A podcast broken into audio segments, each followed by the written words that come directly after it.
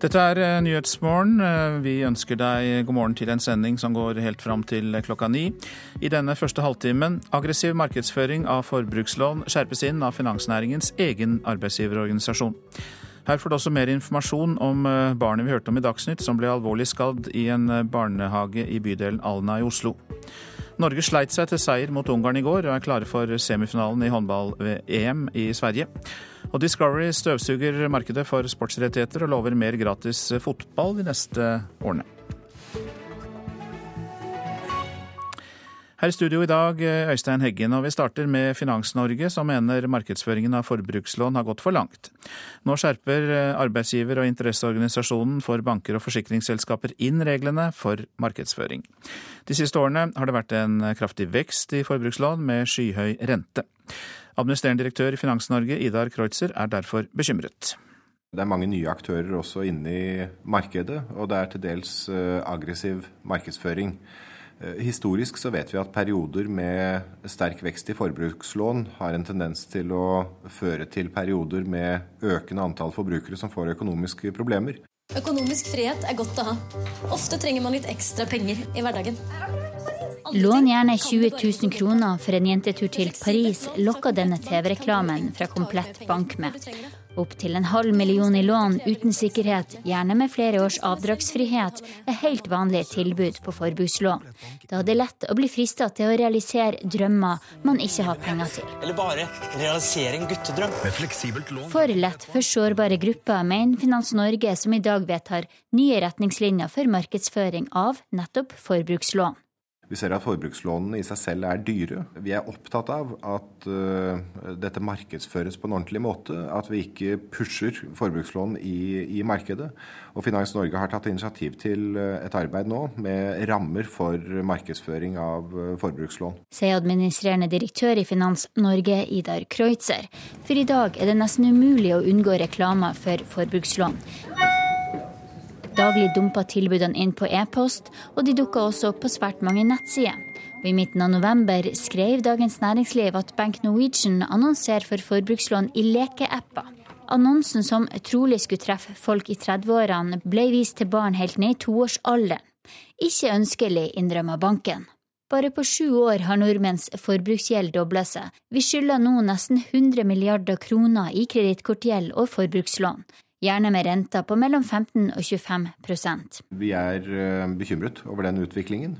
Idar Kreutzer peker på to grunner til denne utviklinga. Rentenivået er lavt. og Derfor er det mulig å tiltrekke seg store innskudd ved å gi en noe høyere innskuddsrente. Og Hvis man da kan snu seg rundt og låne ut disse pengene igjen til svært høy rente, som det er på mange av disse forbrukslånene, så er det en attraktiv forretningsmodell.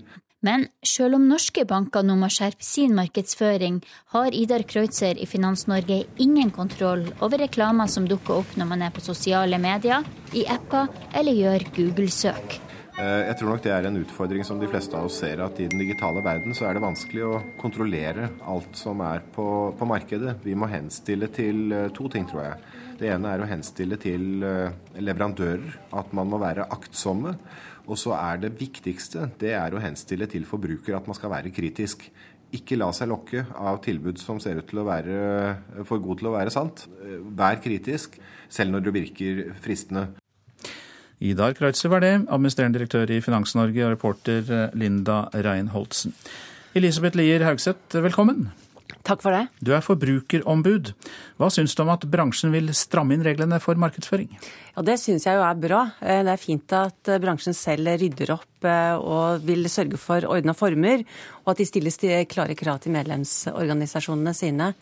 Samtidig så ønsker vi fortsatt at det skal lages forskrifter som kan stille tydelige krav til de som tilbyr kreditt og forbrukslån. Ja, så det er ikke nok at finansnæringen selv holder disse i øra og vil stramme inn reglene. Dere vil også ha dette i endret lovverk? Ja, det vil vi. Og det er to grunner til det. For det første så er det jo ikke slik at alle, alle som tilbyr forbrukslån og kreditt er medlem av Finans Norge. Og de vil nok neppe føle seg forpliktet til å følge den bransjenormen. Og for det andre så er det jo slik at uh, vi har et uh, tilsynsansvar med at markedsføringen uh, foregår i lovlige former i Norge. Og i dag så ser vi at dette, kravene til markedsføring av forbrukslån ikke er gode nok. Og derfor så ønsker vi at det skal forskriftsfestes og gjøre strengere muligheten for å markedsføre denne type lån, slik at vi også kan føre tilsyn med det. Men betyr det i praksis at uh, en uh, lånegiver som uh, ja, frister med ferie i Syden ved bruk av et forbrukslån, at, at, det ikke skal være lovlig å friste med det i reklamen? Jo da, det er lov, og det skal også være lov å, å markedsføre forbrukslån og kreditt. Det forslaget til forskrift går ut på, er å skjerpe reglene, og spesielt når det gjelder å Eh, tydeliggjøre at eh, det ikke, lov, ikke, skal være lov å spille på impulsivitet f.eks., og hvor raskt det går an å få tak i lånene. Det heller være, bør heller ikke være tillatt å koble tilbudet om forbrukslån til rabatter, f.eks. Kjøpe en sofa eller kjøpe en TV og få avslag i prisen hvis du bruker et bestemt kredittkort. Så det er den type regulering eh, forskriftsforslaget går på. Eh, du har jo også vært dommer i gjeldsordningssaker eh, tidligere, før du ble forbrukerombud. Hvordan opptrer folk som sliter med gjeldsproblemer? Er det slik at de har eh, litt skylapper, ikke helt ser hvilken situasjon de er i? Ja, som dommerformektig så var jeg borti en del gjeldsordningssaker for en del år siden. Og mitt inntrykk var at eh, den bunken folk kom med da i bæreposene, det var kreditter, det var forbrukslån, og dette bygget seg opp. Og folk eh, Ja, kanskje de hadde skylapper, eh, lukket øynene for kravene som kom, og da vet vi jo at det dobler seg, mangedobler seg. Og de folk sliter med det, og de satt med det i mange, mange, mange år etterpå. Og nå vil du altså ha klarere regler for markedsføring? Ja. Takk skal du ha, Elisabeth Lier Haugseth, som er forbrukerombud. Vi skal eh, se på det avisen er opptatt av i dag. Krigen i Aleppo i Syria er den verste tragedien i det 21. århundre, sier Frankrikes FN-ambassadør Francois Delatre. Og dette er omtalt i Aftenposten. Det er Assad-allierte militssoldater som står bak drapene på sivile i den syriske byen Aleppo, skriver Klassekampen, men disse militsene har bånd til Vesten når de opererer i Irak, skriver avisa. Det er slutt på vestlandsdrømmen, er oppslaget i Bergens Tidende. Rogaland fylkesting eh, sa nei til å slå seg sammen med Hordaland og Sogn og Fjordane. Ifølge avisa må Hordaland satse videre på sin eh, svake makker i nord, eller prøve å få til et samarbeid med Rogaland likevel. Men på forsiden av Fedrelandsvenn står det at aust og vest er sant. En gammel milestein fra fylkesgrensen er prydet med hjerte og rødt silkebånd. Etter mange års kamp og stridigheter skal nemlig Agder bli ett fylke. Nasjonal skrivesatsing stanses, skriver Dagsavisen. Direktoratet fortsetter ikke med måling av elevenes skrivekompetanse. Noe professor Kjell Lars Berge ved Universitetet i Oslo kaller en kjempeskandale. Det er nemlig slik at over 200 000 elever i grunnskolen er så dårlige til å skrive at de får problemer i videre utdanning og i arbeid. Eldrebølgen vil gi 69% flere krefttilfeller blant personer over 70 år, ifølge Kreftregisterets beregninger, gjengitt i VG. Selv om eh, kreftraten holder seg konstant, er utfordringen at så mange av oss kommer til å være over 70 år om 15 års tid. Det sier direktør Giske Ursin i Kreftregisteret. Oksygenopptaket betyr mer enn du tror for hjertehelsa, kan vi lese i Dagbladet. Å trene kondis er det viktigste du kan gjøre for hjertet og et lengre liv. For dårlig kondis er en risikofaktor, viser forskning fra NTNU. Binder renten i frykt for Trump, er oppslaget i Dagens Næringsliv. Oljeservicebedriften Karsten Moholt sikrer lån på 100 millioner kroner ved å binde renten, for det er en urolig verden, økt uforutsigbarhet med brexit, Trump og situasjonen i Italia, sier administrerende direktør Linn Cecilie Moholt. Fartsbøtene øker betydelig etter nyttår. Advarselen kommer til oss fra Nordlys. Blir du tatt i 115 km i timen i en 80-sone på nyåret, blir boten på nesten 10 000 kroner. Og det er drøyt 2000 kroner mer enn du må ut med hvis du gjør det samme i dag. Som vi hørte i Dagsnytt, så um, ligger en tre år gammel jente alvorlig skadd på Oslo universitetssykehus etter å ha fått en metallstang gjennom øyet. Ulykken skjedde mens jenta var i en barnehage i Alna bydel, men ingen skal ha sett det som skjedde. Foreldrene frykter at eh, andre barn kan være involvert i hendelsen, og politiet etterforsker saken. Moren hennes, Noor Asad, har, er veldig bekymret. Den første dagen jeg så henne, da var hun sånn tilkoblet til alt. Etter at datteren fikk en jernstang i øyet i Barneslottet barnehage i Oslo, har hun ligget til intensiv behandling på sykehus. Når jeg så henne ligge i senga og i den tilstanden hun var i, det, det var knusende. Det, jeg, jeg falt sammen. Jeg selvfølgelig begynte å gråte. Lea ble som vanlig levert i barnehage på Trosterud i Alna bydel mandag den 21. november. Noen timer senere ringer ledelsen og sier at datteren er på vei til Oslo universitetssykehus med en 75 cm lang regnmåler stukket inn i øyet. De vet ikke hva som har skjedd. De prøver å finne ut ennå hva som har skjedd. Det er derfor politiet driver og etterforsker saken. Fordi ingen vet hva som har skjedd. Ingen har fulgt med på henne. Datteren har vært i koma og operasjoner siden. Stikket har rammet nær hjernen og kunne vært dødelig. Hun må leve med skade resten av livet. Foreldrene mener Lea har blitt mobbet i barnehagen og kan ha blitt stukket av eldre barn. Hver gang jeg har sagt det til dem, flere ganger, barnet mitt blir slått. Det blir aldri tatt videre. Jeg får aldri høre noe om det igjen. Altså, Saken blir lukket der og da. Barnehagen vil ikke kommentere saken, men Oslo kommune innrømmer at deres rutine sviktet. Det viser seg at vi har ikke tatt den uteplasskontrollen eh, som vi skal gjøre, ifølge rutinene våre. Bydelsdirektør i Alna, Tore Olsen Pran, mener de behandlet mobbevarselet riktig. Men eh, det er jo eh, ganske alvorlig at ingen voksne har stått og fulgt med denne jenta når de tidligere har varslet at hun er blitt mobbet. Mm. Ja, jeg har ikke noe grunnlag nå for å si at det har med andre barn å gjøre. Eh, derfor er jeg glad for at politiet er inne og sjekker de eh, forholdene rundt hendelsen. Men selv om det ikke skulle være mobbing, eh, at hun bare har stukket pinne i øyet selv, så er det jo ganske alvorlig at en 3 15-åring ikke blir fulgt bedre med når de er i barnehage hos dere. Ja, som sagt så er jeg, jeg er helt enig. Dette er en veldig alvorlig hendelse. Derfor går vi òg gjennom eh, våre rutiner. Vi henter inn eksterne partnere som går gjennom systemet vårt, slik at dette ikke eh, skal kunne skje. Saken etterforskes nå av politiet, mens moren frykter for framtiden. Alt er borte nå, og jeg vet ikke når. Når hun kommer til å klare å gå på beina si, være som før. Det var eh, moren til jenta, Noor Assad, og bydelen har bedt om en ekstern gransking av ulykken. Reporter Lise Merete Olaussen. Klokka er 6.46. Dette er hovedsaker. Finansnæringen eh, reagerer på den kraftige veksten i forbrukslån, og skjerper nå inn det de kaller aggressiv markedsføring i egen bransje. Forbrukerombud Elisabeth Lier Haugseth sa her i Nyhetsmorgen at det er bra, men hun vil også ha en lovfestet forskrift, slik at markedsføringen kan kontrolleres bedre. Rundt 100 beboere ble evakuert, og fire ble sendt til sykehus etter en brann i en boligblokk i Haugesund i natt. En kvinne i 80-årene har fått alvorlige røykskader. Opposisjonsgruppa Syrian Observatory for Human Rights sier at evakueringen fra Øst-Aleppo er utsatt. Eh, Røde Kors-representant i Syria, Ola Ulmo, sier de er klare til å transportere ut sivile på øyeblikkelig varsel. Hør et lengre intervju med han eh, etter klokka sju. Norge sleit seg til seier 24-23 mot Ungarn i går kveld. Og da er Norge klare for semifinale i håndball-EM i Sverige.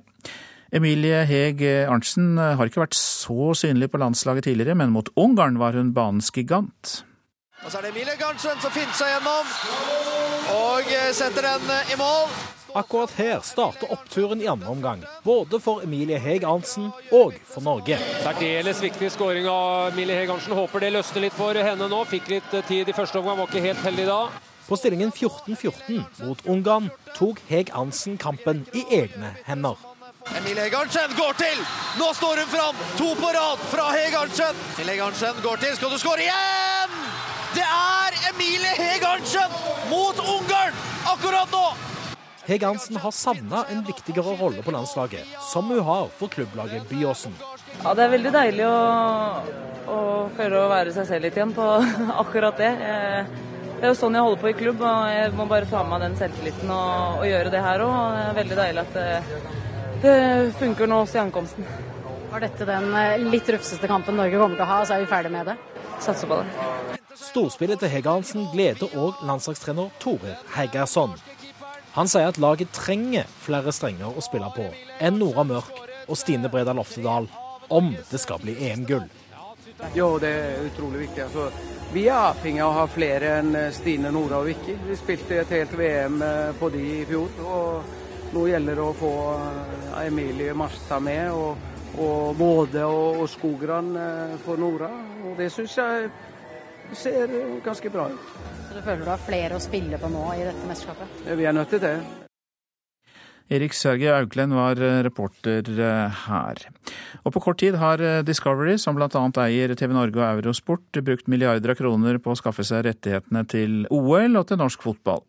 Og dette er gode nyheter for sportsinteresserte, mener selskapet, og viser til at de ville legge færre fotballkamper bak sin betalingsmur enn tilfellet er nå.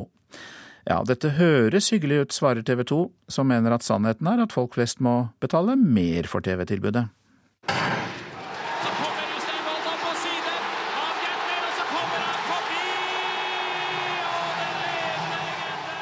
Slik hørtes det ut da Usain Bolt tok nok en gullmedalje i OL i Rio i sommer. Lyden er fra TV 2, som har hatt OL de to siste mesterskapene. Men fra neste år er det den amerikanske mediegiganten Discovery som tar over. Sport er veldig viktig for Discovery, og man er ikke et fullverdig TV-hus før man satser skikkelig på sport. Det sier Discoverys sportssjef Jan Erik Aalbu. I fjor sommer, bare noen uker etter at Discovery hadde kjøpt rettighetene til Europaligaen, sikret de seg OL-rettighetene i 50 europeiske land fram til 2024. Prisen 11,7 milliarder. Et halvt år senere kjøpte Discovery rettighetene til å vise norsk toppfotball de neste seks årene. Pris 2,4 milliarder. Håndball har de også kjøpt, og når Champions League-rettighetene legges ut for salg igjen neste år, kan det godt tenkes at Discovery står klar med lommeboka igjen. Alle gode rettigheter følger vi med på uansett, men jeg kan aldri spekulere om vi er med eller ikke. Men hva betyr egentlig alle disse oppkjøpene for folk flest, annet enn at Anne Rimmen og Jon Almås blir å se på nye kanaler? Det var ikke meningen. Det skal ikke gjenta seg. La oss ta fotballen f.eks. Der vil Discovery legge flere kamper utenfor betalingsmurene enn det TV 2 så langt har gjort. Free to air kaller de det, eller gratissending som det vel heter på norsk. Hos TV 2 har de hatt to kamper på det vi kaller åpne kanaler frituer, free to air, og vi skal ha dobbelt så mange. Vi skal ha fire kamper, og i tillegg så skal de fire beste kampene i hver runde være på åpne kanaler. Så vi har kalt det fotball tilbake til folket, enkelt og greit. Sier sportssjefen i Discovery. Men gratis er det ingenting som er, sier konkurrenten. Selv om de har mye penger, så er det ingen i Discovery som har noen tanker om å drive dette som veldedighet. Sånn at uh, regninga får vi nok, men den sendes på en litt annen måte sier TV 2s rettighetssjef Bjørn Tålesen. Poenget hans er at når Discovery dropper betalingsmuren på en fotballkamp, så er det andre som ikke er interessert i kampen som må være med å spleise. Kort sagt kan det bety at TV-regningen øker for folk flest. Prisen må tas inn et sted, og det gjør den da hos distributørene. Eh, og Dermed så er det jo en masse folk som da indirekte vil måtte betale for norsk fotball, som egentlig aldri ville ha betalt fem øre for det. Jeg er vel ikke sikker på om han kjenner godt nok til den businessmodellen vi har. og Vi har jo solgt inn dette her til fotballen, til eh, klubbene og ikke minst til distributørene. Og med det at vi har sagt fotball tilbake til folk og det skal være rimeligere. Så Det regner jeg med også kommer til å bli tilfellet når vi spiller ut fotballen fra og med 1. april. Og dette innslaget var laget av Brage Berglund og Petter Sommer. Den siste Star Wars-filmen nå, for den har bare noen få minutter med personer som fansen er vant til fra tidligere filmer. Det var riktig å skape et nytt persongalleri, sier regissøren til NRK, selv om han fra begynnelsen av ønsket å ha med så mange som mulig av de gamle. Det er lasere, det er opprørere, det er imperiet, ja det er stjernekrig. Kort sagt mange av de kjente ingrediensene i Rogue One, den åttende Star Wars-filmen, som gjerne kalles episode tre og en halv, fordi handlingen ligger tett opp til filmen vi nå kjenner som episode fire, som jo var den aller første filmen som ble laget for om lag 40 år siden. Men nesten alle rollefigurene som publikum møter, er flunkende nye. Selv om vi har gjensyn med den onde Darth Vader og en liten håndfull andre kjente fjes, varer det kun noen få minutter. Resten av filmen står helt nye fjes for. Okay, I want to use all these characters from the classic movie and I want them all to be in the film and Men regissør Gareth Edwards ville opprinnelig hatt med så mange legendariske figurer han kunne han, forteller han til NRK i sitt eneste norske intervju om filmen. Før han forsto at det ville blitt helt feil.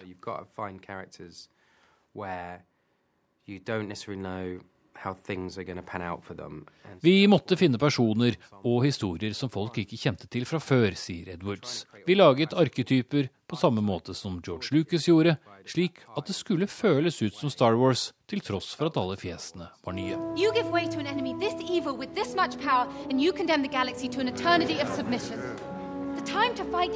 Denne gangen er det også langt flere sterke kvinneroller med i filmen, og rollefigurer som er langt mer etnisk sammensatt enn tidligere. Og det er en stor styrke ved denne filmen, sier Diego Luna, meksikansk produsent og skuespiller som har en av hovedrollene i filmen, som opprøreren Cassian Andor. This is quite unique, like the voice of all these rebels, you know. Uh, this, the diversity that the cast uh, brings into, into this, this film. Bredden av stemmer og figurer gjør filmen helt unik, sier Luna. Det er første gang du ser et så etnisk og kulturelt mangfold i Star Wars-universet. I find that answer vague and unconvincing. So, I mean, it is a Star Wars film, and, and you can't look at more than a minute without sort of seeing an enormous amount of Star Wars material. Men som Ben Mendelsen sier, mannen som spiller den onde Orson Krennic, du skal ikke se lenge på filmen før du ser at det er en vaskeekte Star Wars-film. Men om det er nok Star Wars for blodfansen, vel, akkurat det finner vel skuespillerne og regissøren ut i disse dager. Ja, det var London-korrespondent Espen Aas som eh, rapporterte der. Fem fylker her i landet har ikke skoler tilpasset dyslektikere. Østfold er ett av fylkene. Ordningen skal eh, sikre at elever med lese- og skrivevansker får riktig hjelp. Simen ved Risum ungdomsskole i Halden har nettopp det, lese- og skrivevansker, og sier det er eh, særlig utfordrende med norsk. Men ett fag er likevel hans favoritt. Jeg har de som plomme i egget. Simen Høvik og to klassekamerater skiller plommen fra hviten for å lage brune pinner i mat- og helsetimen her ved Risum skole i Halden. Jeg elsker denne timen her. Jeg, jeg elsker å bake og masse sånn. Simen har dysleksi, derfor er det ikke like enkelt i andre fag som f.eks. norsk. Dette er klasserommet mitt. Jeg må prøve å jobbe på punkt etter punkt etter punkt.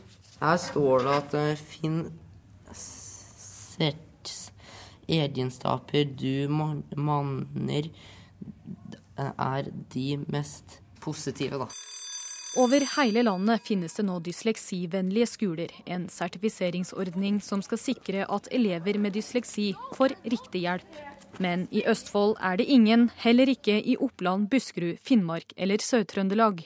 Jeg tror eh, den viktigste årsaken er at eh, denne ordningen er lite kjent. Svarer utdanningsdirektør i Østfold, Dag Løken. Men det betyr ikke at ikke skolene jobber målbevisst. I 2005 starta interesseorganisasjonen Dysleksi Norge sertifiseringsordningen, og kun 36 skoler i hele landet er hittil sertifisert i 2016. Skolene må oppfylle ti kriterier som bl.a. krever kartlegging av elevene, samt flere tiltak og tilrettelegging. Så vi bruker veldig mye bilder. Men kontaktlærer Sverre Løken forteller at Simen allerede har tilrettelagt undervisning. Han får jo hjelp ved at han har først og fremst assistent. Så har han egen lærer i skriftlige fag, spesielt i norsk, som eh, han får egen norsk skriveopplæring. og Det er da Spesped-koordinatoren. Derfor mener han at det ikke er mye som står i veien for at skolen nå kan sende av gårde en søknad for å bli sertifisert som dysleksivennlig. Det å vise vilje overfor alle, og gi alle et tilbud. Og om det er gjennom å være en sertifisert skole, så kan det godt være mulig. Men det kan jeg ikke si noe om. Det ser fine ut. Eh, jeg har faktisk jobba veldig hardt for å få den hjelpa jeg trenger. Jeg sliter fortsatt, men jeg prøver å jobbe meg sånn at jeg kommer til punktet som jeg ikke trenger helt til lenger. Da er vi ferdig med brune pinner. Nå er det bare oppvaska igjen. Du tar oppvaska, jeg tørker. Reportasjen var laget av Liv Rønnaug Lilleåsen. Så tar vi for oss eh, værvarselet. Fjellet i Sør-Norge stort sett pent vær, kort og godt. Østafjells også grei værmelding for i dag, mye fint vær. Vestlandet sør for Stad, eh, sør og sørøst stiv kuling. Om kvelden sterk kuling i nord. Det blir pent vær, men lokal tåke. Utover dagen blir det tilskyende riktignok, og seint på kvelden kan det komme litt regn i ytre strøk. Så til Møre og Romsdal og Trøndelag. Det blir mye pent vær, men utrygt for lokal tåke også der. Nordland og Troms vestlig liten kuling på kysten, men på ettermiddagen dreier den sørvestlig. Regnbyger nord for Bodø med snøbyger i fjellet, men utover dagen blir det lettere vær eh, nord i Nordland. Helgeland og Saltfjellet får oppholdsvær hele dagen. Og fra Nordland og Troms til Finnmark, perioder med liten kuling i eh, Vest-Finnmark, ellers rolige vindforhold. I Øst-Finnmark enkelte snøbyger i dag, seinere lettere vær. Vest-Finnmark får perioder med snø, kan vi legge til.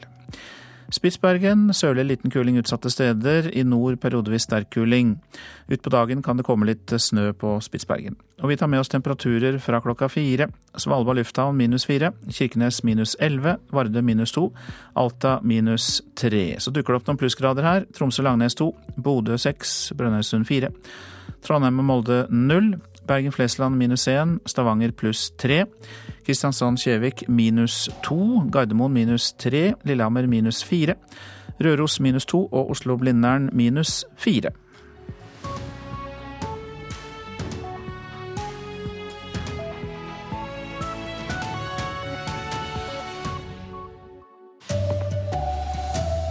Kvinner som sitter i fengsel har strengere soningsforhold enn menn, ifølge Sivilombudsmannen. Finans Norge vil ha strengere reklameregler for forbrukslån. Her er NRK Dagsnytt klokken sju. Kvinner i fengsel soner under langt dårligere forhold enn menn. Det kommer frem i en rapport fra Sivilombudsmannen. En av forklaringene kan være at det er langt færre kvinner enn menn som sitter i fengsel, sier sivilombudsmann Åge Thor Falkanger. En årsak eh, er nok at de ikke har vært prioritert. En annen årsak er at de er færre enn menn. og Dermed er det litt vanskeligere å ha den fleksibilitet man skal ha for innsatte. Bl.a. skal innsatte sitte på ulike sikkerhetsnivå, avhengig av behovet. Fordi det er så få kvinnefengselsplasser, så blir mange kvinner sittende på høyere sikkerhetsnivå enn de skal. Hvordan er soningsforholdene? Generelt sett er de strengere enn uh, for menn. I flere av fengslene uh, har vi funnet at uh, f.eks. luftegården er veldig små. Vi har også sett at det er dårligere arbeidstilbud for kvinner. Reporter var Ellen Omland.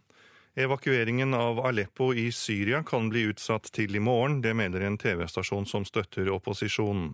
Evakueringen skulle starte i natt, men ingen har forlatt Aleppo det siste døgnet, verken sivile eller soldater. Dette ifølge eksilgruppen Syrian Observatory for Human Rights. Samtidig sier syriske rebeller at regimevennlig sjiamilits hindrer den planlagte tilbaketrekkingen. FN har bedt om umiddelbar tilgang til Aleppo for å finne ut av eh, hva som skjer. Syriske opprørssoldater bekrefter at våpenhvilen står ved lag. Finans Norge mener markedsføringen av forbrukslån har gått for langt. Nå skjerper Finans Norge inn reglene for markedsføringen. De siste årene har det vært en kraftig vekst i forbrukslån med skyhøy rente. Det bekymrer administrerende direktør Idar Kreutzer. Det er mange nye aktører også inne i markedet, og det er til dels eh, aggressiv markedsføring. Eh, historisk så vet vi at perioder med sterk vekst i forbrukslån har en tendens til å føre til perioder med økende antall forbrukere som får økonomiske problemer. Økonomisk frihet er godt å ha. Ofte trenger man litt ekstra penger i hverdagen. Lån gjerne 20 000 kroner for en jentetur til Paris, lokker denne TV-reklamen fra Komplett Bank med. Opptil en halv million i lån uten sikkerhet, gjerne med flere års avdragsfrihet, er helt vanlig tilbud på forbrukslån. Vi ser at forbrukslånene i seg selv er dyre. Vi er opptatt av at uh, dette markedsføres på en ordentlig måte. At vi ikke pusher forbrukslån i, i markedet. Det sa altså administrerende direktør i Finans Norge, Idar Kreutzer, og reporter var Linda Reinholsen. NRK Dagsnytt var ved Tor Albert Frøsland. Hvorfor er det verre for kvinner enn menn å sitte i fengsel? Vi spør Marit Lommendal Sæther fra Nasjonalt senter for menneskerettigheter, som har gransket soningsforholdene. Hva skjer med Telenor nå, etter at striden mellom konserndirektør og styreleder tilsynelatende er bilagt? Og vi spør Trygve Hegnar om det. Og vi er klare til å evakuere når som helst, sier Røde Kors i Syria. Militsgrupper beskyldes for å hindre sivilbefolkningen i å slippe ut av Øst-Aleppo. Som vi hørte i Dagsnytt, så eh, soner kvinner under dårligere forhold enn eh, menn. Det viser en ny rapport fra Sivilombudsmannen.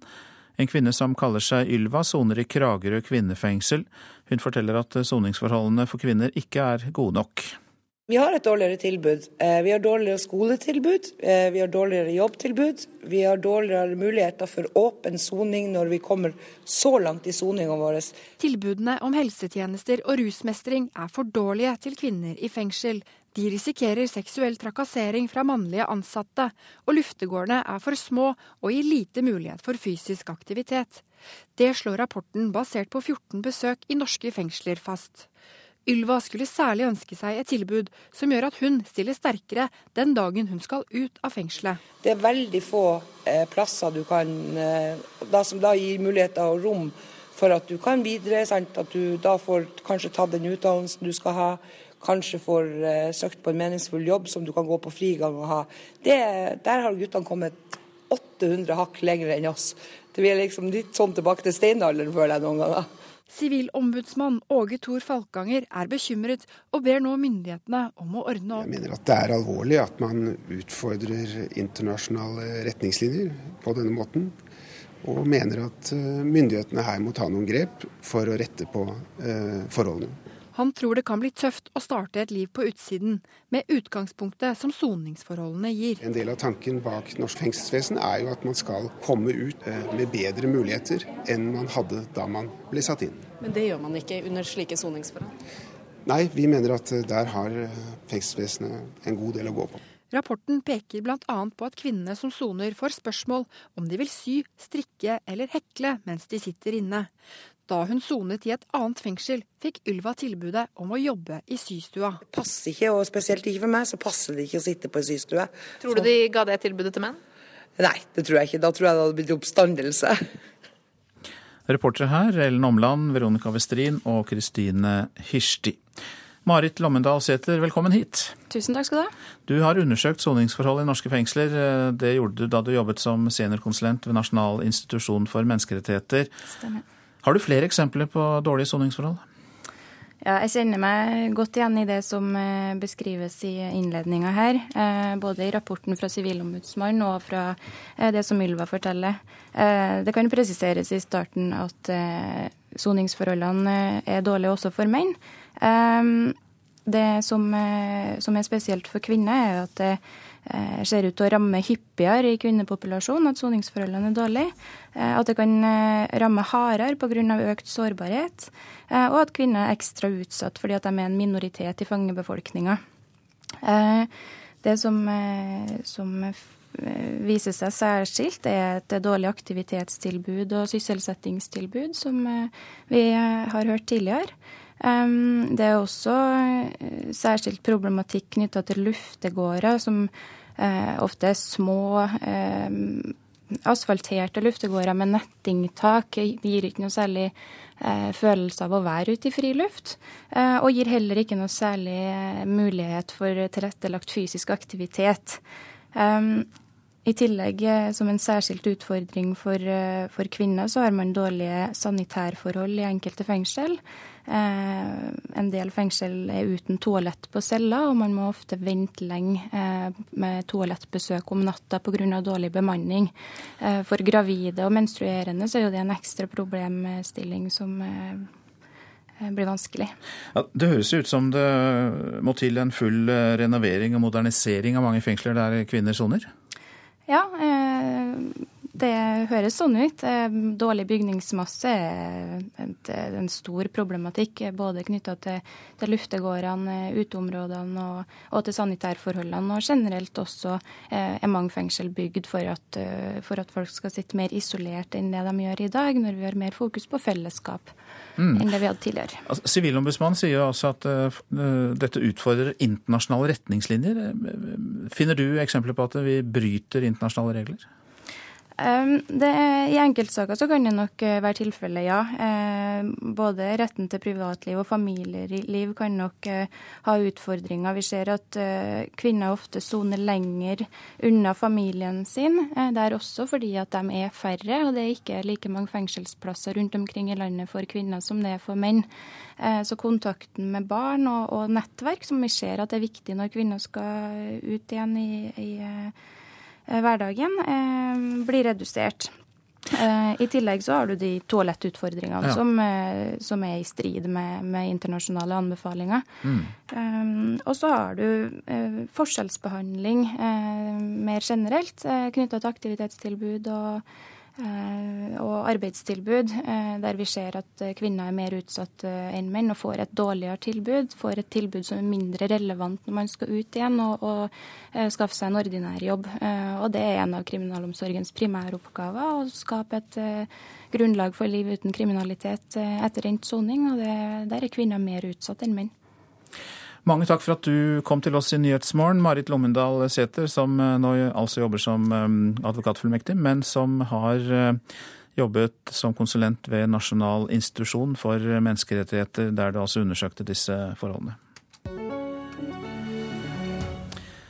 I dag møter Telenor-ledelsen pressen etter at det i går ble klart at både konsernsjef Sigve Brekke og styreleder Gunn Wærsted forlater selskapet. Det var i forrige uke Dagens Næringsliv skrev at Værsted eh, hadde bedt Brekke om eh, å trekke seg fra toppjobben. Men eh, til nå har de to vært forsiktige med å kommentere saken. Det har vært et to dager langt styremøte. Det tok slutt i går kveld. Og da hadde kommunikasjonssjef Severin Roald i Telenor kun dette å si. Det jeg har å si nå, er at pressemeldingen er sendt ut, styremøtet er avslutta. Det blir en pressekonferanse her klokka 11. Kommer både Værsted og Brekke til å fortsette i Telenor? Det er riktig. Hvorfor det? Nå er pressekonferansen i morgen klokka 11. Jeg har intet å tilføye i kveld. Ja, Reporter her var eh, Tore Tollersrud, og Trygve Heggen er kommet til studio. Riktig god morgen. morgen. Redaktør av Kapital- og Finansavisen, som eh, kjent. Nå skal jo eh, Telenor-toppene møte pressen om få timer, klokka 11. Uh, hvordan tror du det går? Det har jo i hvert fall i media vært eh, informasjon om at de nærmest ikke kan eh, tåle hverandre?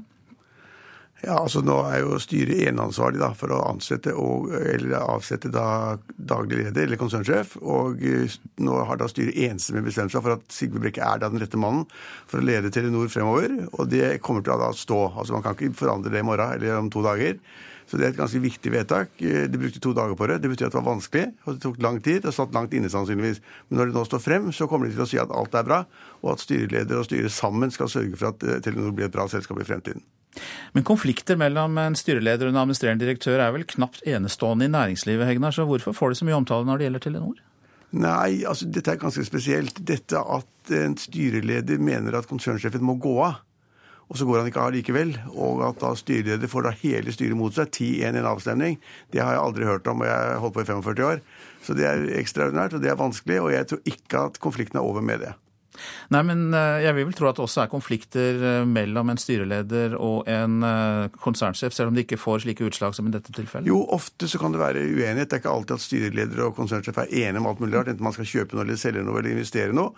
Men når det gjelder tilliten til konsernsjefen i et av landets viktigste selskaper fremover, og hvis det da er klart, hvis det er da slik som da, det er jo hevdet, det er ikke sikkert at det er slik, men hvis det er slik at, at styreleder ville fjerne konsernsjefen, og ikke fikk det til, så vil det gjøre at hun, etter min mening er hun svekket fremover. Altså De kan godt jobbe sammen fremover, man kan late som man glemmer det, men hun er svekket i forhold til konsernsjefen. Det er jo på en måte nye saker som kommer opp, og da vil alle tenke det at ja, ja, hvis også konsernsjefen nå er uenig med styreleder, så vil konsernsjefen stå sterkere, og det er en litt underlig situasjon. Hva tror du om eh, personsitsen i Telenor etter dette da? Mellom de to, altså Gunn Wærsted og Brekke? Nei, Jeg mener at eh, Gunn Wærsted er svekket. Hun vil sikkert si at dette skal vi klare fint. Vi har vært uenige om dette her. Men eh, når, da hele styret samler seg bak Sigve Brekke, så skal jeg også stå bak det eh, med, med alt jeg har og, og kan gi. Men hun er svekket. og jeg, altså, Man skal jo ikke spå om slikt egentlig, da, men jeg vil tippe det at det tar ikke lang tid før hun egentlig finner ut at hun ikke, ikke vil være styreleder. Altså hun trekker seg. Hva betyr det for Telenor som selskap?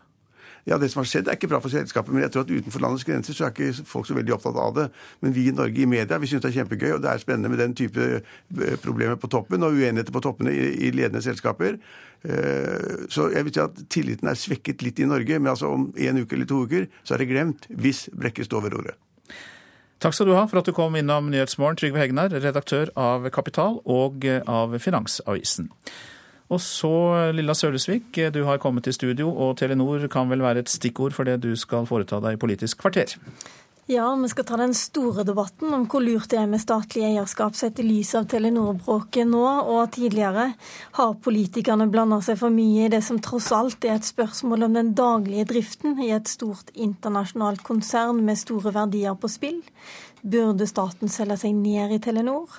Eller burde kanskje Telenor deles i to, som Senterpartiet foreslår? En internasjonal del som kan operere i vanskelige områder som Bangladesh og Usbekistan, og en annen som vi andre skal eie, og som opererer her i Norden. Alt dette skal vi prøve å få plass til på et kvarter. Det er om en halvtimes tid, 7.45. Dette er eh, Nyhetsmorgen. Vi har hørt at det er eh, vanskeligere for kvinner enn menn å sitte i fengsel. Blant annet eh, snakket vi med Marit Lommundal Sæther, som jobbet for Nasjonalt senter, eller Nasjonal institusjon for menneskerettigheter, som gransket soningsforholdene, som kanskje også kan være i strid med internasjonale regler. Vi er klare til å evakuere når som helst, sier Røde Kors i Syria. Vi får straks høre mer om det. Og eh, det er også slik at eh, verken aktor eller eh, russiske myndigheter er interessert i å finne dem som bestilte drapet på opposisjonspolitikeren Boris Nemtsov. Det mener hans familie. Det får vi også høre mer om i løpet av denne morgenen. Ingen har forlatt Aleppo i Syria det siste døgnet, verken sivile eller soldater. Det hevder eksilgruppen Syrian Observatory for Human Rights. Tilbaketrekkingen skulle startet i natt, etter uker med knallharde kamper. Etter nesten fem år i IS' hender er makten i Øst-Aleppo igjen hos det syriske regimet, sa Russland i går. Soldatene skulle akkurat nå vært på vei ut. Reuters melder at over 30 90 busser også står klare for å evakuere sivile, men de er helt tomme. Hva som forsinker tilbaketrekkingen er ukjent. Samtidig sier syriske rebeller til Reuters nå i morgentimene at regimevennlig Shia-milits hindrer denne planlagte tilbaketrekkingen. FN ba i natt om umiddelbar tilgang til Aleppo for å finne ut hva som skjer. Sa reporter Elise Heisel Asbjørnsen. Røde Kors-representant i Syria, Ola Ulmo, sier at de er klare til å transportere ut både syke, andre sivile og væpnede personer eh, når som helst fra Øst-Aleppo, men at det ennå ikke er gitt grønt lys. Vi har ikke fått endelig eh, grønt lys fra partene i konflikten om at, de, om at alle, alle deler av evakueringen og alle detaljene er klare oss vente på, eh, på, på det endelige grønne lyset for å sette i gang. Hvor raskt kan en eh, evakuering skje dersom dere får grønt lys? Eh, vi er klare til å evakuere. Vi har logistikken på plass i, i, i, i Aleppo. De står og venter. Våre frivillige står og venter, våre hjelpearbeidere står og venter. Og, og busser er klare. Men avtalen mellom partene i konflikten eh, må, si, må, må, må, komme på plass. Og vi må sikre oss at, eh, at sikkerheten er ivaretatt for våre hjelpearbeidere. Hvor mange sivile er det som uh, trenger å bli evakuert? Det vet vi ikke. Uh, vi var inne i, uh, i de her områdene i forrige uke. Da så vi Eh, flere tusen eh, som eh, trenger medisinsk tilsyn. I tillegg så er det flere ja, oss anslår mellom 20 og 40 000 sivile som, som, fortsatt befinner seg i de her områdene. Det er ikke, det er ikke blitt kommunisert til oss ennå hvor mange av dem som, som, ønsker og som skal evakueres. Så det kan jeg ikke bekrefte akkurat hvor mange sivile som, som skal evakueres. Du sier at dere ennå ikke har fått grønt lys fra partene. Kilder i den syriske opposisjonen sier til Reuters at det er sjiamuslimsk milits som støtter Assad, som hindrer evakueringen. Har du noen konkrete opplysninger om det?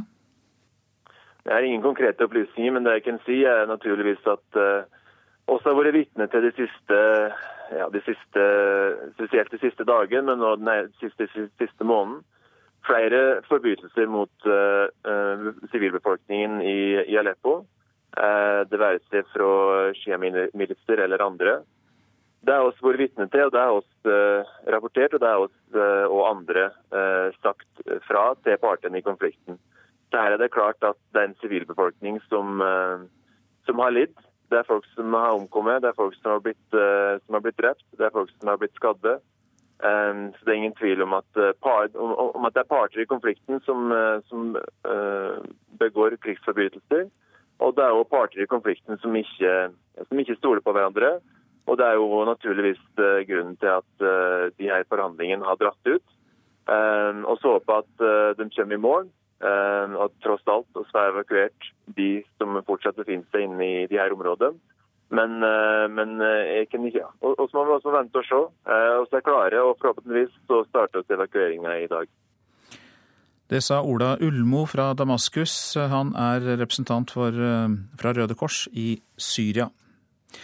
Det har vært to valg i Vest-Afrika nå i desember. I Ghana erkjente presidenten valgnederlaget og gikk av med æren i behold. I Gambia erkjente presidenten valgnederlaget, men det var før han ombestemte seg. Nå pågår det et intenst diplomatisk press fra FN og Den afrikanske union for å få Gambias president Yaya Jameh til å overføre makten til valgets vinner, Adama Barrow. I hereby reject the results in totality. Let me repeat. I will not accept the results based on what has happened. Jeg avviser valgresultatet. Jeg gjentar, jeg vil ikke akseptere valgresultatet basert på det som har skjedd. Disse uttalelsene fra Gambias president har skapt uro og usikkerhet. Ikke bare i det vestafrikanske landet, men også på hele det afrikanske kontinentet. Den afrikanske union og FN fordømmer Yaya James beslutning. FNs sikkerhetsråd er svært bekymret. Spania har nå formannskapet der. Landets FN-ambassadør Juan Manuel Gonzales ber på vegne av medlemmene i Sikkerhetsrådet Jamé, om å respektere folkets vilje og overføre makten til valgets vinner, opposisjonsleder Adama Barrow. Outgoing president Jamé to respect the choice of the sovereign people of the Gambia and to transfer without condition and undue delay power to the president-elect, Mr. Adama Barrow. Valgets vinner kommer med den samme appellen som Sikkerhetsrådet. Adama Barrow ber mannen som klamrer seg til makten om å følge velgernes vilje. I urge him to change his current position and accept the verdict of the people in good faith for the sake of the Gambia, our homeland, whose people deserve peace and freedom and prosperity. Thank you. Innbyggerne fortjener fred, frihet og framgang, sa valgvinneren. Ifølge valgkommisjonen i Gambia fikk Adama Barrow 45% av stemmene, mot 36 for mannen som har hatt makten i Gambia de siste 22 årene. Det var en viss bekymring før valget i Gambia 1.12., men Yahya Jameh overrasket omverdenen med raskt å erkjenne valgnederlaget, og han gratulerte opposisjonsleder Barrow med valgseieren. Men siden det har Jameh fått det for seg at valgkommisjonen ikke har opptrådt uavhengig, han krever omvalg. Nå øker det diplomatiske presset på Jameh om å gå av. I går ankom en høytstående delegasjon av afrikanske statsledere Gambia. Delegasjonen ledes av Ellen Johnson Sirleaf, som er president i Liberia og leder for den vestafrikanske samarbeidsorganisasjonen ECOWAS. Presidenten i Nigeria, et land som er en økonomisk og politisk stormakt i regionen, er også med. Muhammadu Bahari kom til makten da Goodluck Jonathan erkjente nederlag i valget i Nigeria i mai i fjor. Nå i desember har det vært et fredelig valg og skifte av makt i Ghana. Der tapte presidenten valget.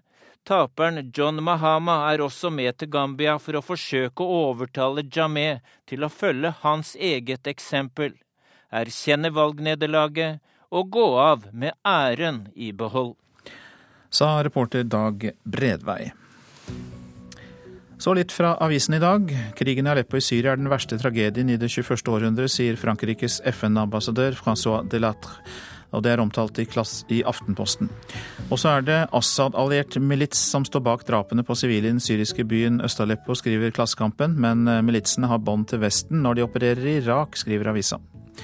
Det er slutt på vestlandsdrømmen, er oppslaget i Bergens Tidende. Rogaland fylkesting sa nei til å slå seg sammen med Hordaland og Sogn og Fjordane. Ifølge avisa må Hordaland nå satse videre på sine svake makker i nord, eller prøve å få til et samarbeid med Rogaland likevel. Men på forsiden av Fedrelandsvennen står det at øst og vest er sant. En gammel milestein fra fylkesgrensen er prydet med hjerte og rødt silkebånd. Etter mange års kamp og stridigheter skal nemlig Agder bli ett fylke. Nasjonal skrivesatsing stanses, skriver Dagsavisen. Direktoratet fortsetter ikke med måling av elevenes skrivekompetanse, noe professor Kjell Lars Berge ved Universitetet i Oslo kaller en kjempeskandale. For over 200 000 elever i grunnskolen er så dårlige til å skrive at de får problemer i videreutdanning og i arbeid. Eldrebølgen vil gi 69% flere krefttilfeller blant personer over 70 år, ifølge Kreftregisterets beregninger gjengitt i VG i dag. Selv om kreftraten holder seg konstant, er utfordringen at så mange av oss kommer til å være over 70 år om 15 år, sier direktør Giske Ursin i Kreftregisteret. Mer om helse i Dagbladet, for oksygenopptaket betyr mer enn du tror for hjertet. Å trene kondis er det viktigste du kan gjøre lengre, for å få et lengre liv. Dårlig kondis er en risikofaktor, viser forskning fra NTNU. Rettssaken mot dem som utførte drapet på den russiske opposisjonspolitikeren Boris Nemtsov fortsetter denne uken i Moskva. Men advokaten som forsvarer interessene til Nemtsovs familie, mener verken aktor eller russiske myndigheter er interessert i å finne dem som bestilte drapet og betalte for det. Et trangt venterom i lokalene til Moskvas krigsrett tirsdag formiddag. Det er lite som tyder på at om noen minutter skal rettssaken etter et av de mest omtalte politiske mordene i hele verden de siste årene starte. Vi er bare en håndfull journalister til stede. Av TV-team er det bare NRK og den lille russiske internettbaserte kanalen Dost som er på plass. Så kan en ny runde av rettssaken etter mordet på den russiske opposisjonspolitikeren Boris Nemtsov 27.2.2015 starte. Inne i selve rettssalen sitter fem tsjetsjenske menn inne i et glassbur. Den ene av dem, Saur Dadajev, innrømmet kort tid etter drapet at det var han som hadde skutt Nemtsov på en bro bare et steinkast fra Kreml i hjertet av den russiske hovedstaden Moskva. Begrunnelsen var at Nemtsov hadde uttalt seg negativt om Tsjetsjenia og islam. Senere har Dadajev trukket tilbake tilståelsen og sagt at det hele skjedde under tortur. Nå handler rettssaken mer om dem som ikke er til stede i rettssalen, enn om dem som etter alt å dømme ble dømt til lange fengselsstraffer en gang ut på våren 2017. The Russian authorities uh, uh, doesn't uh, don't think that it's a very important, uh, a very important event. So any, any Utenfor selve rettsbygningen forteller advokat Vadim Prakorov, som representerer Boris Nemtsovs familie, at han finner hele rettssaken svært frustrerende, fordi det ser ut til at russiske myndigheter stopper alle forsøk på å få sentrale vitner innkalt. De gjør så lite for å få tak i dem som bestilte drapet, mener advokaten, og alle spor leder ifølge Prakorov i retning republikken Tsjetsjenia sør i Russland, og mot den lokale presidenten der, Ramzan Kadyrov. Mr. Kadyrov he is uh, his strong supporter in Caucasus region. Putin uh, did not give any any any chance to the investigative committee to do anything against uh, these people and against these persons. Это водитель э, снегоуборщика, это свидетель, который э, пытался оказывать помощь Немцову. Journalisten Dmitrij Borko fra nettavisen Grani RU har fulgt rettssaken etter drapet på Boris Nemtsov tett. Og han mener også det er svært underlig at andre sentrale vitner, som brøytesjåføren som passerte drapsstedet i samme øyeblikk som skuddene falt, har forsvunnet, og ifølge aktoratet har vært umulig å få til å stille i rettssalen. Dimitri Borko har derfor, som så mange andre, sine tvil om det er mulig å finne dem som bestilte drapet på Nemtsov, selv om han mener at minst to av dem som nå sitter på tiltalebenken, var ansvarlig for at skuddene falt. Kanskje kan vi finne dette ut om noen år, men akkurat nå tror jeg det er umulig, sier journalisten, som likevel har tenkt å møte opp i rettssalen i Moskva krigsrett i ukene og månedene framover for å se hvor langt påtalemyndighetene kommer i sin etterforskning. Jeg er på Ute på Samoskvaretsbroen like ved Kremlborgen, i hjertet av Moskva, passer Grigori Saksonov på at noen blomster og en tavle med tallet 655 får ligge i fred. På plassen der Boris Nemsov ble drept. 655 dager hadde gått siden det brutale drapet, som etter alt å dømme kommer til å gå inn i historien som en av de forbrytelsene vi aldri får vite den fulle og hele sannheten om. Morten Jentoft, Moskva. Og du lytter til Nyhetsmorgen, produsent i dag Kari Bekken Larsen, her i studio Øystein Heggen. I Arktis kan en tredel av alle isbjørner forsvinne i løpet av de neste 35 år. Hør reportasjen om det etter Dagsnytt. Og hvem er USAs nye utenriksminister, mannen som kommer fra jobben som konsernsjef for oljeselskapet Exxon? Hør mer om Rex Tillerson i vår siste halvtime, som starter klokka 8.30.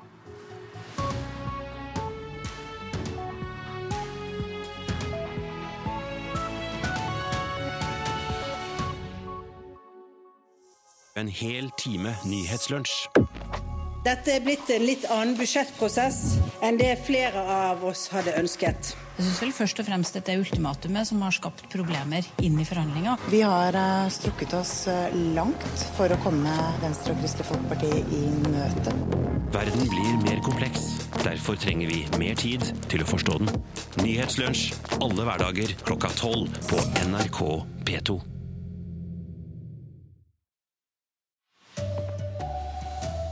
Kvinner i norske fengsler soner under strengere forhold enn menn, viser rapport. Sivile i Øst-Aleppo fortviler. Evakueringen av byen er utsatt, ifølge TV-stasjonen. Og finansbransjen mener veksten i forbrukslån er for høy. Nå skal markedsføringen bli mindre aggressiv. Her er NRK Dagsnytt, klokken er 7.30. Kvinner soner under langt dårligere forhold i fengsel enn menn. Det viser en rapport fra Sivilombudsmannen. En kvinne som kaller seg Ylva, soner i Kragerø fengsel for kvinner. Hun forteller at soningsforholdene for kvinnelige innsatte har rom for forbedring. Vi har dårligere skoletilbud, vi har dårligere jobbtilbud, vi har dårligere muligheter for åpen soning når vi kommer så langt i soninga vår. Tilbudene om helsetjenester og rusmestring er for dårlige til kvinner i fengsel. De risikerer seksuell trakassering fra mannlige ansatte, og luftegårdene er for små og gir lite mulighet for fysisk aktivitet. Det slår rapporten basert på 14 besøk i norske fengsler fast. Ylva skulle særlig ønske seg et tilbud som gjør at hun stiller sterkere den dagen hun skal ut av fengselet. Det er veldig få muligheter og rom for at du kan videre, sant? at du da får kanskje tatt den utdannelsen du skal ha. Der har guttene kommet 800 hakk lenger enn oss.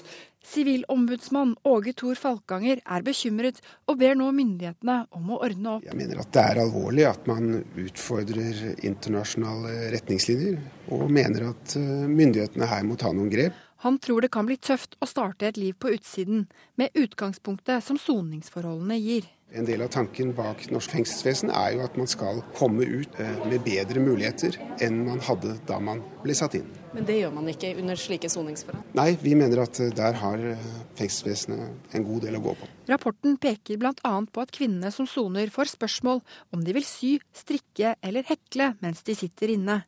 Da hun sonet i et annet fengsel, fikk Ylva tilbudet om å jobbe i systua. Og spesielt ikke for meg, så passer det ikke å sitte på en systue. Tror du de ga det tilbudet til menn? Nei, det tror jeg ikke. Da tror jeg det hadde blitt oppstandelse. Og reporter her, det var eh, Ellen Omland, Veronica Westrin og Kristine Hirsti. Ingen har fått forlate den østlige delen av Aleppo i Syria det siste døgnet, til tross for at evakueringen skulle ha startet i natt. Det sier eksilgruppen Syrian Observatory for Human Rights. FN sier at de ikke vet hvorfor evakueringen er utsatt. For sivilbefolkningen er situasjonen ikke til å leve med. Russia doesn't want us to go out alive. They want us dead. Assad is the same. Russland og Assad vil ikke at vi skal komme oss ut av Aleppo i live. Det sier en familiefar fra ruinen i Aleppo til nyhetsbyrået Associated Press. Han har gitt opp håpet og anklager FN for unnfallenhet. Don't believe anymore in United Nations. Don't believe anymore in the international community. Vi kan ikke lenger stole på verdenssamfunnet, sier man. FNs spesialutsending Staffan de Mistura sier han ikke vet hvorfor FN ennå ikke har fått tilgang til hele Aleppo. We don't have access to the actual location. We have been asking for that. We have been asking for it, and we have not received it. Evakueringen av sårede skulle etter planen startet i går kveld. I dag tidlig skulle andre sivile få forlate Aleppo. Nå i morgentimene annonserte en syrisk TV-stasjon som støtter opposisjonen, at evakueringen er utsatt til torsdag. FN reagerte sterkt i går da det kom flere meldinger om hevnaksjoner. Styrker lojale til Syrias regjering skal ha gått inn i hus og henrettet sivile, inkludert barn. Syrias FN-ambassadør benekter påstandene. Det er ren propaganda, det er ikke sant, sier Bashkar Yahafari i FN-hovedkvarteret i New York. Ingen vet tilstand til sivilbefolkningen samt hvor mange døde og sårede som befinner seg inne i Aleppo. Reporter her, det var Dag Bredvei. Så til internstriden i Telenor, som ser ut til å ha fått en løsning. I går kveld ble det klart at både konsernsjef Sigve Brekke og styreleder Gunn Wærsted har fått tillit av styret til å fortsette.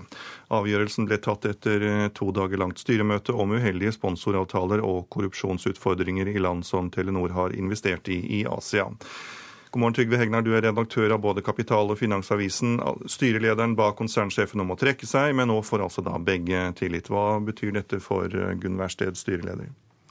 Ja, Det er et godt spørsmål. Styret er jo suverent når det gjelder å ansette og sparke da daglig leder eller konsernsjefer. Og nå har de da etter veldig lang tid, lange drøftelser, åpenbart eh, kommet frem til da at Sigve Brekke er den beste til å lede Telenor i årene fremover. Og så vet vi jo da, hvis det er korrekt, at styreleder var imot dette utgangspunktet og mente at han faktisk ikke var den rette til å lede selskapet. og da vil de, da, vil de da sannsynligvis si da at nå skal vi jobbe sammen fremover, og alle må stå bak dette vedtaket, og dette vil være bra for Telenor i årene som kommer. Svekkes hun? Jeg tror det. Altså, Du kan ikke, etter min mening, jeg har aldri hørt om noe lignende, man kan ikke som styreleder eh, mene at eh, daglig leder ikke er god nok og bør erstattes av en annen etterpå leve godt videre som om intet var skjedd, det tror jeg ikke noe på. Men konflikter mellom styreleder og administreringsdirektør, det er jo knapt enestående i norsk næringsliv. Det har skjedd før, og det kommer sikkert til å skje. Så hvorfor er det så mye omtale når det gjelder Telenor? Ja, det er, litt, det er en liten forskjell her. Altså Det at man er uenig om saker, enten man skal investere ting eller kjøpe ting eller ansette folk, det er greit. En uenighet vil det være i et styre til enhver tid. Det er bra for meningsbrytning. Men uenighet om at eh, den som skal lede selskapet, det har jeg aldri hørt om. Takk skal du ha, Trygve Hegnar. Finans Norge mener markedsføringen av forbrukslån har gått for langt. Nå skjerper arbeidsgiver- og interesseorganisasjonen for banker og forsikringsselskaper inn reglene for markedsføring. De siste årene har det vært en kraftig vekst i forbrukslån med skyhøy rente. Administrerende direktør i Finans Norge, Ida Kreutzer, er bekymret. Økonomisk frihet er godt å ha. Ofte trenger man litt ekstra penger i hverdagen. Lån gjerne 20 000 kroner for en jentetur til Paris, lokker denne TV-reklamen fra Komplett Bank med. Opptil en halv million i lån uten sikkerhet, gjerne med flere års avdragsfrihet, er helt vanlige tilbud på forbrukslån. Da er det lett å bli frista til å realisere drømmer man ikke har penger til. Eller bare realisere en guttedrøm. For lett for sårbare grupper, mener Finans Norge, som i dag vedtar nye retningslinjer for markedsføring av nettopp forbrukslån. Vi ser at forbrukslånene i seg selv er dyre. Vi er opptatt av at uh, dette markedsføres på en ordentlig måte. At vi ikke pusher forbrukslån i, i markedet. Sier administrerende direktør i Finans Norge, Idar Kreutzer. For i dag er det nesten umulig å unngå reklamer for forbrukslån. Daglig dumper tilbudene inn på e-post, og de dukker også opp på svært mange nettsider.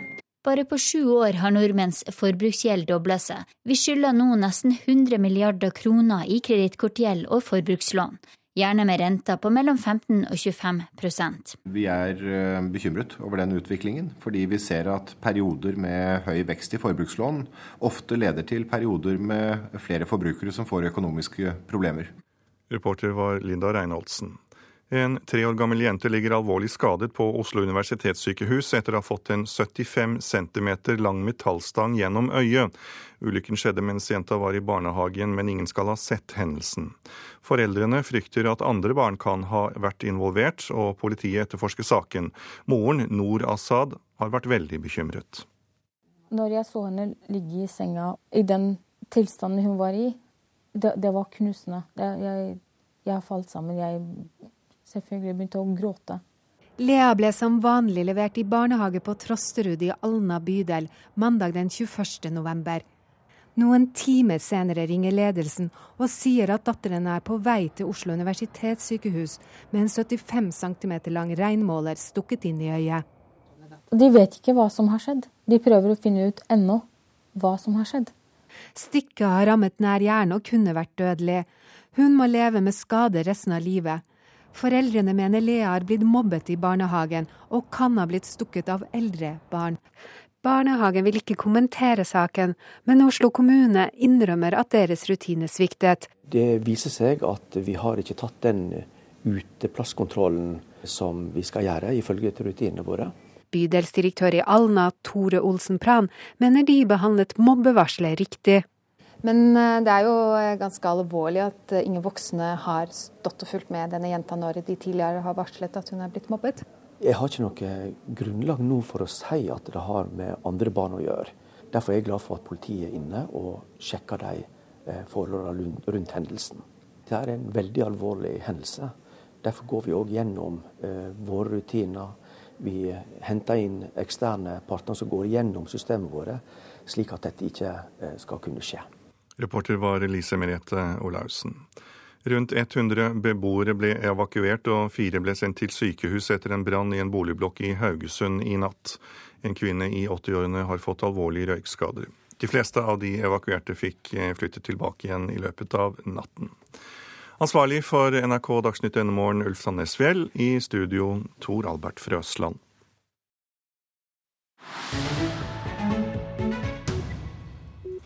Og du lytter til eh, Nyhetsmorgen. I Arktis kan en tredel av alle isbjørner forsvinne i løpet av de neste 35 år, viser en ny amerikansk studie. Årsaken skal være den globale oppvarmingen, som gjør at det blir eh, stadig mindre sjøis. Closer closer. Oh. She is enormous.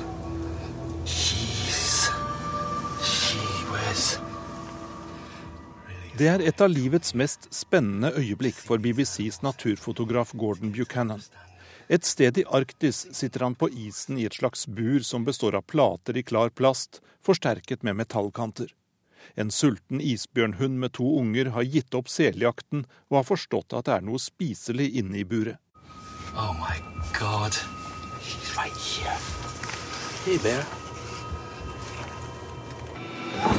Yeah, that not good.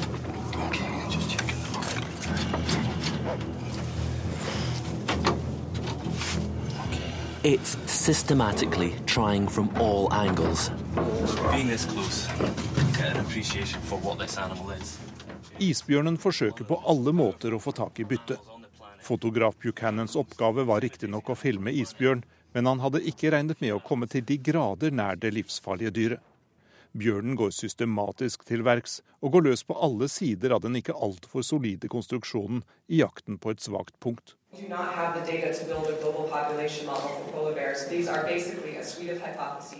Langt fra isbjørnenes rike i den amerikanske byen San Francisco pågår en konferanse om isbjørnenes fremtid. En lang rekke av verdens fremste forskere på området er samlet for å høre om den siste studien, som blir presentert av amerikanske eksperter. So, a really critical part of the study was actually being able to use satellite data, meaning um, sea ice information that's obtained from satellites orbiting in space. And, and there's a time series that goes Vi har brukt satellittdata helt tilbake til 1979 for å se hvilke endringer som har vært når det gjelder utbredelsen av sjøis i Arktis, sier forsker Kristin Ladre. Dataene viser at den globale temperaturen øker, og at det derfor blir stadig mindre sjøis i de nordligste områdene. Isen har helt avgjørende betydning for isbjørnen. Det er på isen og isflakene dyrene fanger mye av maten, fortrinnsvis sel. Det er også her isbjørnene formerer seg. For øyeblikket er det om lag 26 000 isbjørner i Arktis, men forskerne regner med at dette tallet kommer til å gå kraftig nedover i årene som kommer. Um, there's a relatively high likelihood, about a 70% chance, of a decline in the global polar bear population of about, um, about 30% over the next 35 years. Det er sannsynlig at en tredel av isbjørnene kommer til å forsvinne i løpet av de neste 35 år, sier den amerikanske forskeren som står bak den nye studien, sammen med en amerikansk kollega.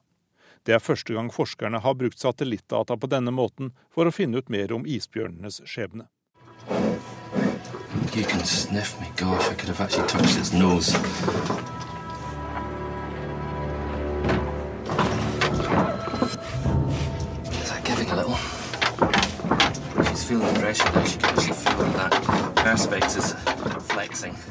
Ute på isen fortsetter isbjørnen å angripe buret som BBC-fotografen sitter i. Bjørnens høyt utviklede luktesans forteller at en skikkelig godbit bare er noen centimeter unna på innsiden av plastglasset. Dyret forsøker å bruke sin store vekt og sine kraftige tenner for å få fatt i byttet. Men etter 45 minutter med resultatløse anstrengelser gir isbjørnbinna opp. Det er Gordon Buchanan svært glad for. Han fikk noen fabelaktige videoopptak, i tillegg til å lære hvilke krefter og hvilket pågangsmot som finnes i denne truede dyrearten. Sa reporter Jan Espen Kruse. Dette er hovedsaker i Nyhetsmorgen. Kvinner soner under langt dårligere forhold i fengsel enn menn. Det viser en rapport fra Sivilombudsmannen. Ingen sivile har ennå forlatt den østlige delen av Aleppo i Syria det siste døgnet, til tross for at evakueringen skulle ha startet i natt. Det sier eksilgruppen Syrian Observatory for Human Rights. Finans-Norge mener markedsføringen av forbrukslån har gått for langt. Nå skjerper interesseorganisasjonen for banker og forsikringsselskaper inn reglene for markedsføring. En tre år gammel jente ligger alvorlig skadd på Oslo universitetssykehus etter å ha fått en metallstang gjennom øyet. Ulykken skjedde mens jenta var i barnehagen, men ingen skal ha sett hendelsen. Politiet etterforsker saken. Så er det Politisk kvarter, og det er ved Lilla Sølvesvik.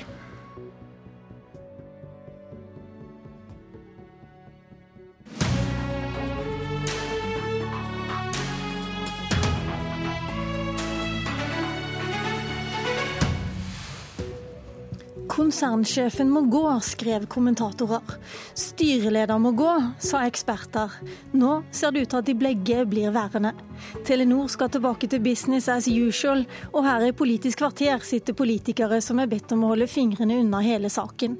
Vi får se om de klarer det. Ja, I går kveld kom avklaringen, iallfall den foreløpige. Etter to lange dager konkluderte styret i Telenor at de har full tillit til konsernsjef Sigve Brekke.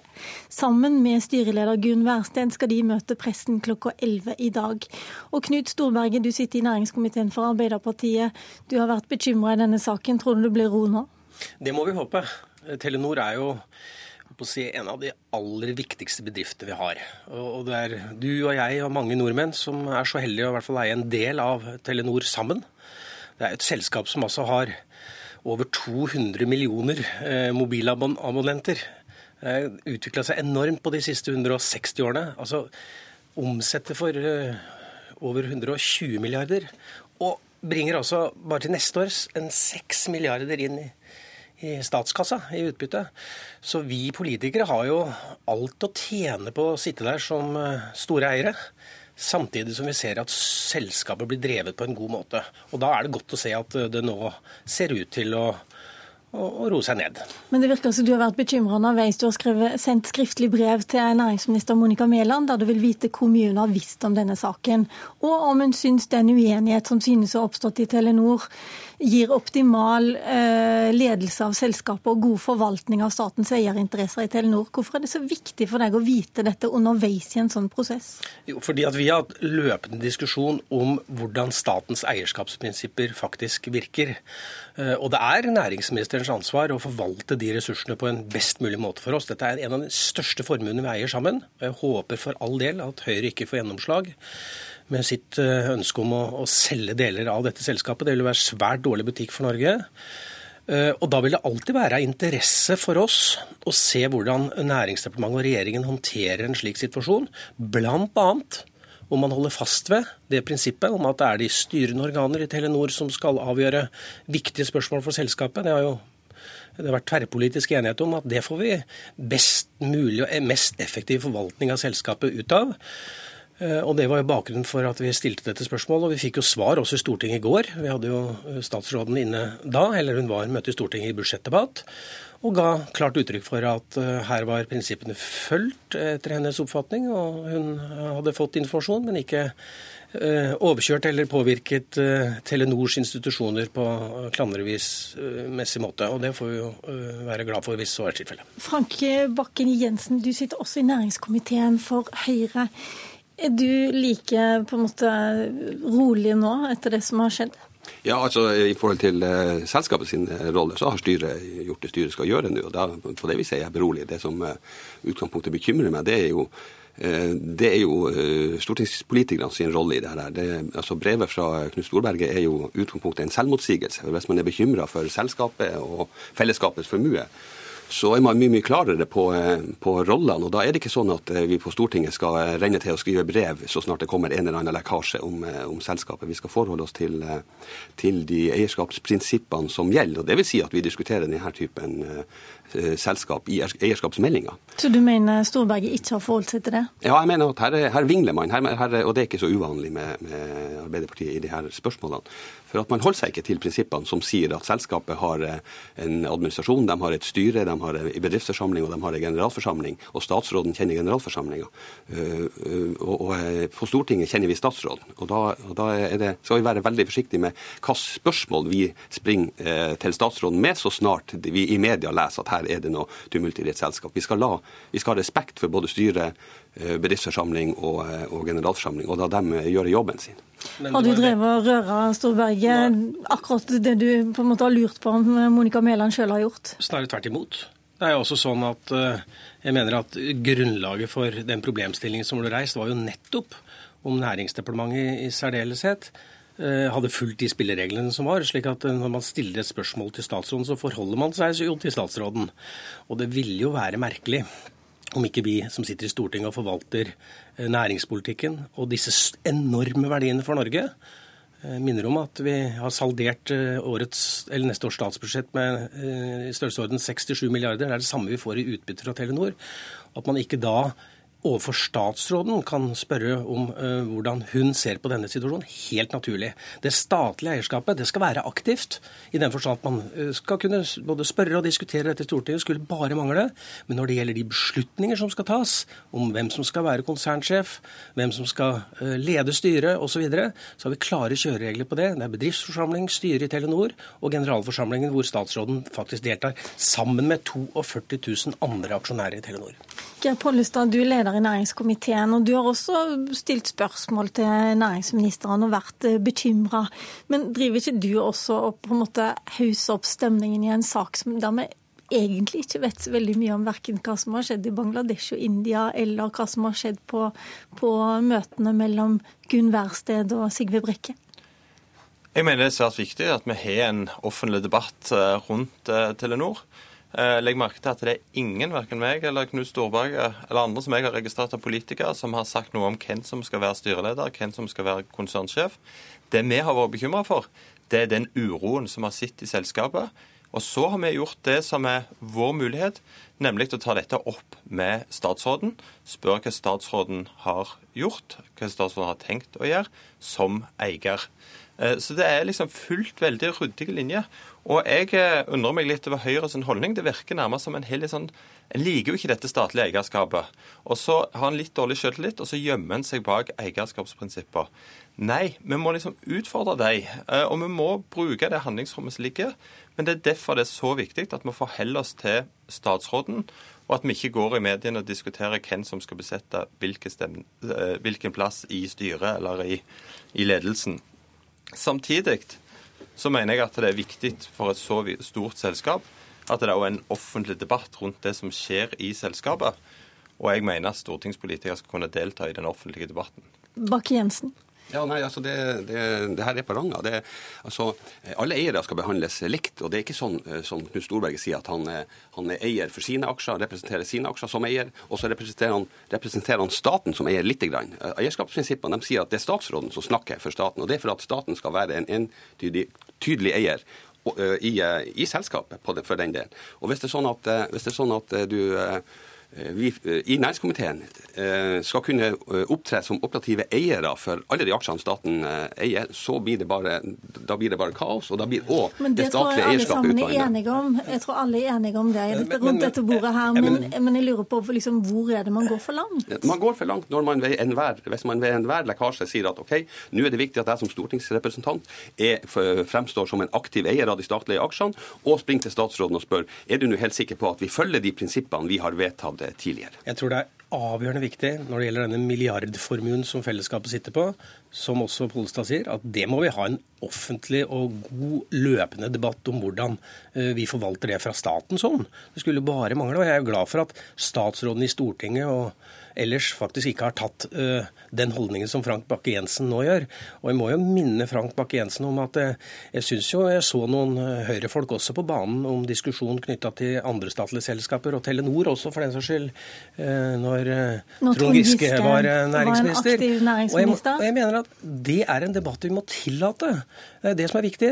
Og, og særlig når debatten rettes inn mot spørsmålet om vi faktisk respekterer Eh, de eierskapsprinsippene som vi har. Og jeg mener jo at de kapitalinteressene i Norge som under behandlingen av eierskapsprinsippene i Stortinget nettopp ga uttrykk for at man mener at dette er faktisk et eksempel for etterfølgelse for andre land, for private bedrifter, hvordan staten forvalter sitt eierskap. De har veldig rett, fordi at de ser at man får nettopp gode diskusjoner om dette, og man får good governance i, i, selskapene som faktisk er verdt å etterfølge. Og det er jo en debatt vi må alltid måle uh, Men da følger man eierskapsprinsippene. Og mitt poeng her det er jo at jeg mener dere bryter med eierskapsprinsippene. Dere kan ikke være enig med, i eierskapsprinsippene. Hvilke eierskapsprinsipper er det som blir brutt? Du sitter her og er mest bekymra for statsrådens ve og vel. Vi er mest bekymra for selskapet. Det er feil. Jeg er mest bekymra for, for, selskapet. For her får vi omdømmetap. For selskapet et omdømmetap når staten som betydelig eier er utydelig. Men Pollestad, tross alt denne saken har basert seg på anonyme kilder som lekker fra et styremøte. Og har fått, hvis du nå skal ta den eh, pressemeldingen fra Telenor alvorlig, da, som sier at eh, her er det eh, glede og ro og samhold, og vi vil alle sammen stille oss bak Sigve Brekke. I så fall så har det blitt veldig mye føss også politisk ut fra en lekkasje. Ja, som vi ikke vet så veldig mye om. Jeg er glad for at det er ro i Telenor, at julen kan ringes eh, inn. Men eh, jeg understreker at også statsråden har jo vært ute og sa i Stortinget at det var en alvorlig situasjon i selskapet. Eh, det er ingen som har benekta den situasjonen. Og vårt anliggende har jo ikke vært hvordan skal en rydde opp i dette, men det faktum at her foreligger det en situasjon som ingen benekter, i et viktig og stort selskap. Da sier vi til statsråden nå må du bruke din mulighet som eierrepresentant til å få ro i selskapet. Og så har vi også stilt spørsmål. Har du gitt noen signal til styret eh, om hvem som bør være konsernsjef? Eh, det har vi ikke fått noe klart svar på, men det har jo vi vært opptatt av. Fordi at det vil være å gå av Mæland og gå ut forbi de eierskapsprinsippene som Stortinget har trukket opp. Ok, Vi setter en liten strek der for den runden. Men eh, Pollestad, du og Senterpartiet har gått inn for at Telenor bør deles opp i en internasjonal del og i en nordisk del. Og eh, Kanskje du forklarer hvorfor det er en god idé?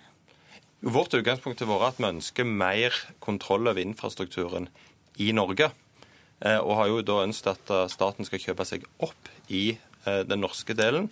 Og så kan en redusere sitt internasjonale engasjement tilsvarende. Det er en løsning som vi har lufta, og som jeg har tro på.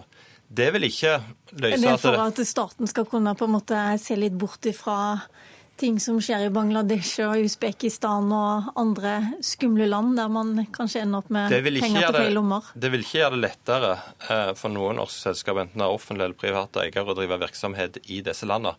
Det er krevende. Det må vi erkjenne. Vi må godta, eller vi må, Det vil skje saker i, i framtida. Det må vi bare liksom forholde oss eh, til. Men dette er rett og slett fordi at vi ønsker mer kontroll over den eh, norske infrastrukturen. Sikre nasjonalt eierskap til eh, et av våre mobilnett. Eh, sikre den bredbåndsutbyggingen som Telenor har. Eh, og Det er vårt anliggende i dette. Og For Senterpartiet er det viktigere å eie infrastruktur i Norge enn det å eie infrastruktur i India. Bakke-Jensen, er dette en god idé, tror du? Ja, altså Det ligner jo til forveksling det forslaget vi har på i forhold til Statskraft, der vi eh, også sier at vi skal ha en eh, nasjonal og en internasjonal del. Vi begrunner det med at vi skal spre den økonomiske risikoen, og vi skal sikre den eh, nasjonale. Så det er jo interessant at eh, Senterpartiet kan skyte oss ned når det er Statskraft, men kan fremme et lignende forslag for eh, Telenor. Men la oss holde opp på Telenor først. Syns du det er en god idé, da, siden det, vi foreslår det samme for Statkraft? Altså Det kan være, det kan være en god diskusjon i forhold til å spre økonomisk risiko og omorganisere et selskap. Det kan det være. Jeg syns Frank Bakke-Jensen i sted snakka om vingling, for vi behandla jo dette spørsmålet eh, ganske nylig i Stortinget, og da var i hvert fall Høyre imot. Eh, jeg syns ikke ideen til Senterpartiet er særlig god. Jeg tror at det er første skritt på, og de vil hjelpe Høyre og Fremskrittspartiet og de aktører som faktisk ønsker å selge eh, Telenor. Jeg syns jo vi politikere nesten hver dag burde takke de ansatte i Telenor for eh, den omsetninga de skaper. Altså, det er en bedrift som har utvikla seg enormt. skaffet skaffer mye penger til fellesskapet. Og det bidrar jo også til å skaffe Norge og norsk næringsliv og norsk samfunn både forskning og utviklingsmiljøer. Vi ønsker å ha hovedkontor her. Og når vi ser den jobbinga som Jeg har sjøl vært og besøkt i Myanmar, og ser hvordan Telenor der bidrar til demokratibygging ved at både folk får legehjelp lettere gjennom mobiltelefon, faktisk. Bønder som hjelpes.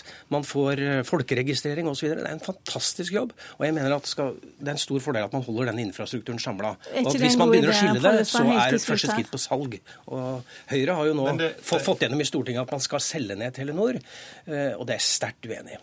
Det er, ingen, eh, det er ingen mål å kvitte seg med eierandeler i Telenor.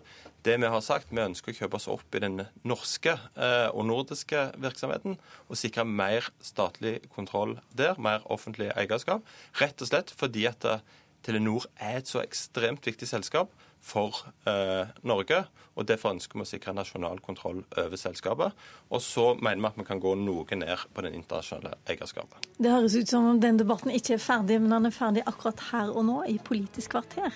Jeg kan bare si at eh, ansvarlig for denne sendingen heter Lilla Sølhusvik, og hører oss igjen i morgen.